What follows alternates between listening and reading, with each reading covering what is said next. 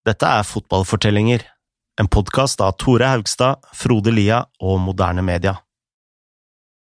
7. august 1936 går det norske landslaget ut på Post stadion i Berlin for å møte Tyskland i kvartfinalen i OL. Lekene er et propagandaverktøy for nazistene. På tribunen sitter Adolf Hitler. Han har aldri sett en fotballkamp i hele sitt liv, men blir anbefalt å dukke opp fordi Tyskland er garantert seier. De neste 90 minuttene er så ydmykende for Hitler at han aldri skal se en fotballkamp igjen.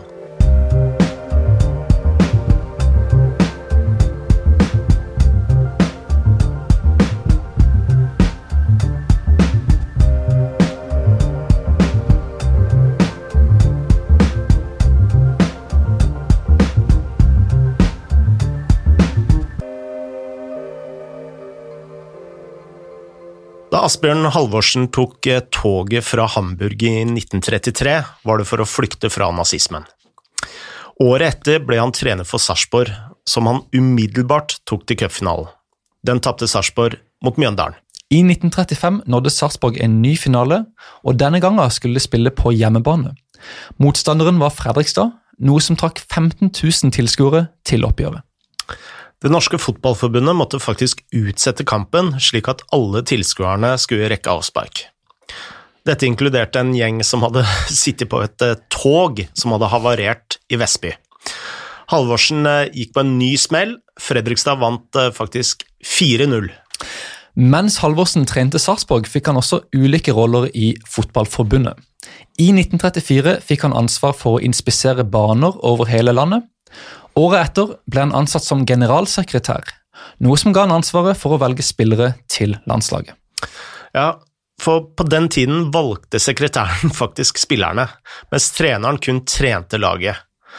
Men Halvorsen han ønska å trene spillerne han valgte, så han ble Norges første trener og generalsekretær, noe som i praksis gjorde ham til landets første skal vi kalle det, moderne landslagstrener. Ja, han hadde en jobb å gjøre også. Uh, Norge var ikke inne i noe gullalder eh, her, altså. Uh, de hadde egentlig ikke hatt suksess i, i, noen slags turnering siden OL i 1920.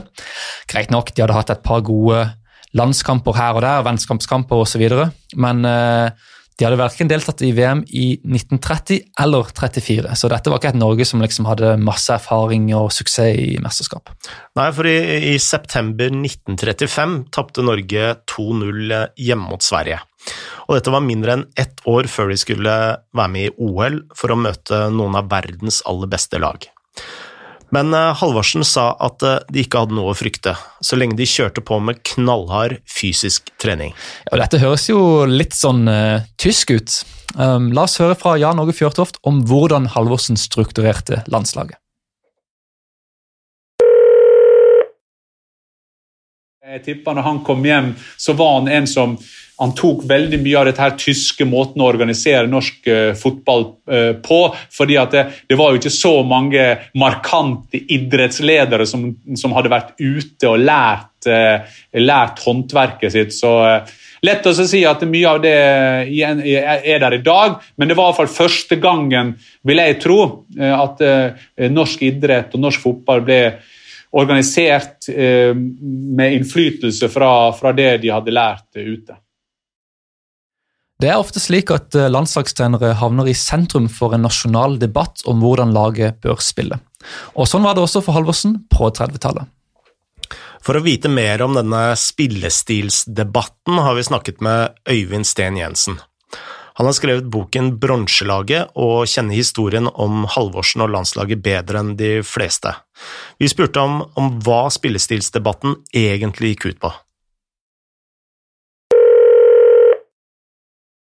Spillestilsdebatten, hvorvidt du liksom skulle spille kort langs bakken eller om du skulle slå høyt og langt, den er like gammel som, som fotballen sjøl. Altså, England og Skottland spilte jo den første landskampen, og England spilte jo fysisk sterke og raske. og, og slo mye høyt og langt. Skottene var, var, mindre, de var fysisk svakere og måtte spille på en annen måte for å slå England. Og spilte da mer besittelsesorientert fotball kort langs bakken. Og denne debatten Så Skottland var liksom et sted hvor man spilte mer med kontinental fotball. da. Og Det var jo en skotte trente Brann i 1917. Da hadde du Brann-stilen kontra Odd-stilen. som var liksom vurdert som to motpoler. Hvor Brann spilte kort langs bakken, og hvor eh, Odd spilte robust eh, med mye kraft og, og fremadrettet. Og dette, dette, skulle forenes på en måte, tror jeg, i landslaget. Hvor du skulle ha med Jeg vet at Jørgen Juve var veldig imponert over denne Brann-stilen og ville gjerne hatt elementer av den også skulle på landslaget. Og jeg tror han Asbjørn Halvorsen var litt lydhør for det. Du hadde spillere som var altså uh, Jørgen Juve selv og Nils Eriksen, Øyvind Holmsen, uh, Holmberg fra Odd. Det var jo spillere som var uh, som var som var veldig robuste og spilte Odd-stil, kan du si. Men så hadde du også disse teknikerne sånn som, sånn som Kvammen, Brustad, delvis Odd Fransen. Så jeg tror de prøvde å forene det beste i, i disse to spillestilene, egentlig. En annen viktig oppgave for Halvorsen var å ta ut de beste spillerne. Han var ikke en trener som kun valgte de beste og mest talentfulle. For Halvorsen var oppførsel og disiplin vel så viktig som duellkraft og en god pasningsfot. La oss høre mer fra Øyvind om eh, Halvorsens prinsipper.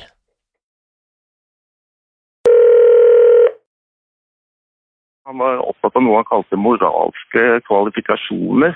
Eh, altså, det, var ikke, det, var ikke, nok at du var god til å spille fotball, men du måtte også ha en del sånne menneskelige egenskaper som gikk på ja, litt sånn én for alle, at du var en lagspiller. Eh, jeg tror det må ha vært sånne ting. Altså, Gubbe Andersen var jo den store stjernen til Mjøndalen, men han gikk jo for å være litt tørst, da, for å si det rett ut. Så det kan ha vært sånne ting, jeg vet ikke. Men han var, han var også veldig opptatt av relasjonelle ting. Altså, jeg tror Jørgen Juve var en, en mann som han forholdt seg mye til. Jeg tror de to samarbeida veldig tett. Jørgen Juve spilte i Lyn. Og de var opptatt av altså, når, når Magnar Isaksen ble, ble, satt opp på laget i, i, helt på tampen, så var det liksom for at han skulle spille sammen med, med, med Arne Brustad. At de to kjente hverandre godt fra Lyn-tiden, og, og, at de spilte godt sammen.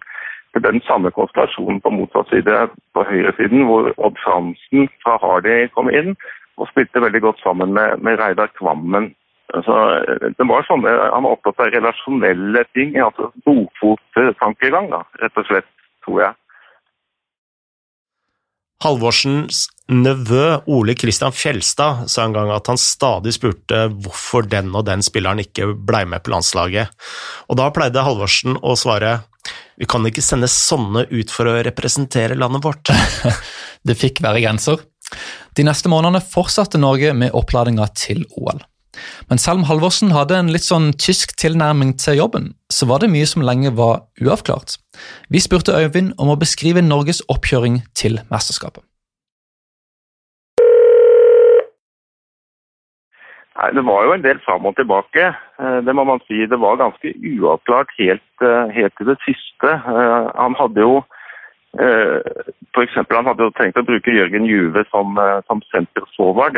Jørgen Juve han spilte til sammen 45 landskamper for Norge og skåra 22 mål. Men, nei, han skåret 33 mål, men han spilte bare, bare 33, 22 av de 45 kampene som spiss, så han hadde en enorm sånn skåringsfrekvens. og og Halvorsen hadde tenkt å bruke han som, eh, som spiss. Men så måtte en som het Louis de Bretteville, som spilte i Lyn, uh, han skulle spille senterhals, Men uh, han meldte et forfall helt på tampen. Og da måtte, da måtte Jørgen Juve trekkes ned som, som senterhals. Så, det, så det var mange tilfeldigheter. kom Alf Kaka Martinsen fra Lillestrøm inn som, som spiss. Og når det gjaldt laget for øvrig, så hadde han, han hadde jo en del en del eh, nøkkelspillere som han eh, Han hadde fem mann som var mer eller mindre klare eh, i relativt god tid. Det var keeperen Tippen Johansen. Og så var det høyrebekk Nils Eriksen og venstrebekk Øyvind Holmsen. Og så hadde han Reidar Kvammen og, og Arne Brystad. I tillegg til Jørgen Juve. Utover det så, så var det mye som var litt sånn uavklart, og bitene falt på plass helt på tampen Norge spilte en, en, en siste landskamp mot Sverige. Eh, det gikk jo ganske dårlig i oppkjøringen. De tapte både mot Sverige og Sveits, og, og stemningen var dårlig. Og Det ble da organisert en, en siste landskamp mot Sverige, som var utenfor terminliste. Ment også for å skaffe inntekter til turen. Da. Og da kjørte han inn ganske mange nye spillere eh, som hadde, ikke hadde spilt noe særlig på landslaget før. De hadde spilt på B-landslaget. Det var Fridtjof Ulleberg fra Lyn, bl.a. Rolf Holmberg fra Odd. Eh, Odd Fransen fra Hardy. Magdalene Monsen fra Hardy. Og Alf Martinsen også ble da kjørt inn helt, i, helt på kampen. Så du kan godt si at det var, eh, det var mange biler som var på plass helt på oppløpssida. Norge vant generalprøven mot Sverige 4-3, noe som ga dem en eh, dose selvtillit like før avreise.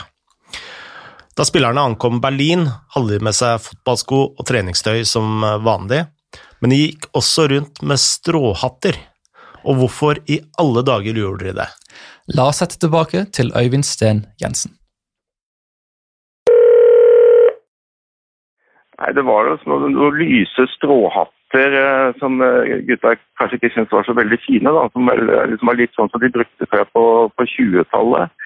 Som de følte var litt utdaterte og litt sånn bandyaktige. Som eh, ikke var liksom passa til et norsk fotballandslag. Så gutta var veldig skeptiske i hvert fall til disse hattene. Men, men der kom denne litt mer autoritære siden i Asbjørn Halvorsen fram. Altså, de, de hattene skulle de gå med. Ferdig med det. Og hvis det var noen som hadde problemer med å, å ta på seg den den lyse hatten der, så kunne de eh, holde seg hjemme. Så da, da begynte de å bruke de hattene da, og etter hvert så ble jo det et slags varemerke for laget. Eh, de gikk rundt disse hattene og, og følte seg veldig vel med dem. til det.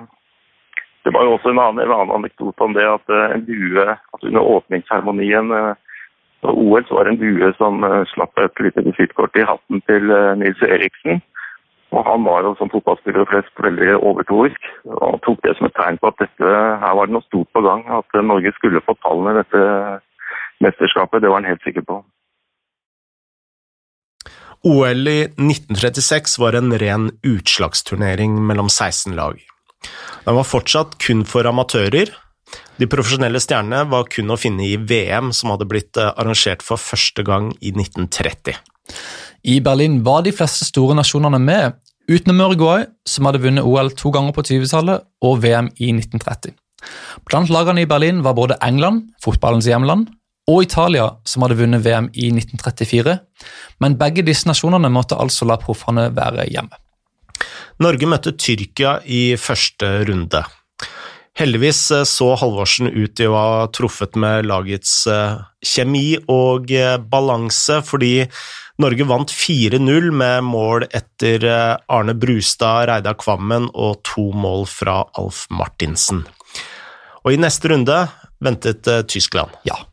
Tyskland var faktisk ikke noe storlag på denne tida. Eh, de hadde vært med i OL kun én gang før, i 1928, og der hadde de fått bank av suverene Uruguay. Historien om eh, dette legendariske Uruguay-laget kan du for øvrig høre i sesong tre av eh, Fotballfortellinger. Stemmer. Tyskland hadde sagt nei til VM i 1930 fordi fotballforbundet hadde nekta å dele bane med disse fæle profesjonelle spillerne som skulle ha penger for å ja, holde på med den sporten de, de likte så godt. Forbudet mente fortsatt at fotballen kun burde være for amatører. Men innen 1934 hadde nazistene gjort fotballen til et eh, viktig propagandaverktøy. Så Tyskland ble med i VM i 1934, og der kom de på tredjeplass. Nå som Tyskland var på hjemmebane i OL, uten kamp fra de profesjonelle stjernene fra England, så krevde Hitler og nazistene gull. Tyskerne hadde slått Luxembourg 9-0 i første runde. Da de møtte Norge, forventa de fleste en ny storseier. En av de som håpet på gull, var Adolf Hitler. Men ifølge Uli Hesses glimrende bok eh, Thor, The Story of German Football, hadde ikke Hitler peiling på fotball. Alt han visste, var at sport var bra for nasjonsdisiplin og eh, moral. Da Norge skulle møte Tyskland, hadde faktisk ikke Hitler lagt noen spesielle planer for dagen. Tidligere vurderte han liksom hvilken sport han skulle dukke opp for å se. Han vurderte roing, han tenkte på polo, men så ble han fortalt at fotball kunne være en god idé, fordi Tyskland i gåseøyne kom til å vinne gull. Dermed dukka Hitler opp helt uannonsert på poststadion for å se hjemlandet banke Norge. Hitler var ikke alene på tribunen, og da snakker vi ikke bare om de 50 000 som var til stede. Med seg hadde han eh, Josef Goebbels pluss eh, sjefen for Luftwaffe Herman Göring, nestlederen i nazipartiet Rudolf Hess og to ministre fra regjeringen. Og foran denne gjengen tok Norge altså en tidlig sjokkledelse gjennom Magnar Isaksen. Visstnok trodde tyskerne at Isaksen var jødisk, noe som gjorde målet enda mer ydmykende for Hitler. Etter det presset Tyskland på, men eh, like før slutt kontret eh, Isaksen inn 2-0. Omtrent idet ballen treffer nettet, reiste Hitler seg og forlot stadion. Og Norge vant 2-0. Ja, og dette var jo en skandale for eh, nazipartiet. Det finner faktisk en historie her om Sepp Herberger, som på den tida var Tysklands assistenttrener. Han hadde vært ute for å se Italia mot Japan, fordi vinnerne av den kampen kom til å møte sannsynligvis trodde han Tyskland. Da han kom tilbake til den tyske leiren, var det ingen der, så han satte seg ned for å spise svineskank med sauerkraut, en klassiker fra det tyske kjøkkenet.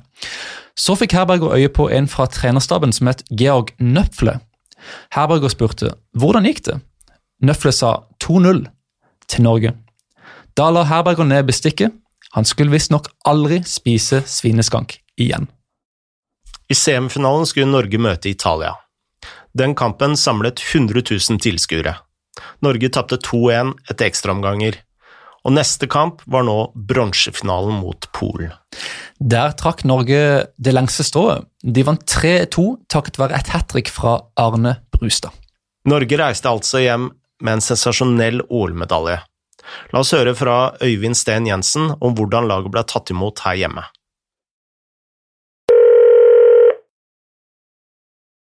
Nei, Det var store scener, sterke scener, altså. Jeg synes at Karl Johan at det var svart mennesker som eh, ville juble og feire på Karl Johan. Og, og spillerne feiret på sin måte da, i Tyskland. Og så eh, da de kom tilbake til Norge, så, det, så ble det behørig hyllet. Folk tok imot dem på Østbanen, og, de ble drikket som helter. Og Så skulle de feires på banen. Da Da skulle de spille mot Finland. Det var jo et lag som Norge alltid slo. og som eh, ønsker å bli utpekt til en sånn passende motstander for en sånn eh, hyllest, uh, hyllest 6.9. Alle trodde det var en veldig lett match. At de skulle vinne foran eget publikum, og at de liksom skulle få vise fra verden hvor gode de var. Men eh, Norge tapte den kampen. da. Det var kanskje en reaksjon, eller at optimismen hadde vært for stor. jeg vet ikke. Eh, Finland vant i hvert 2-0, så det var en liten nedtur, nedtur der. Det var sjokk og vantro i det norske folk. Selv om tapet mot Finland førte til sjokk og vantro, så hadde ikke Halvorsen tid til å være deppa. Om to år skulle han lede landslaget inn i en ny turnering som var enda større enn OL, og som Norge aldri før hadde deltatt i. Det var klart for VM i Frankrike.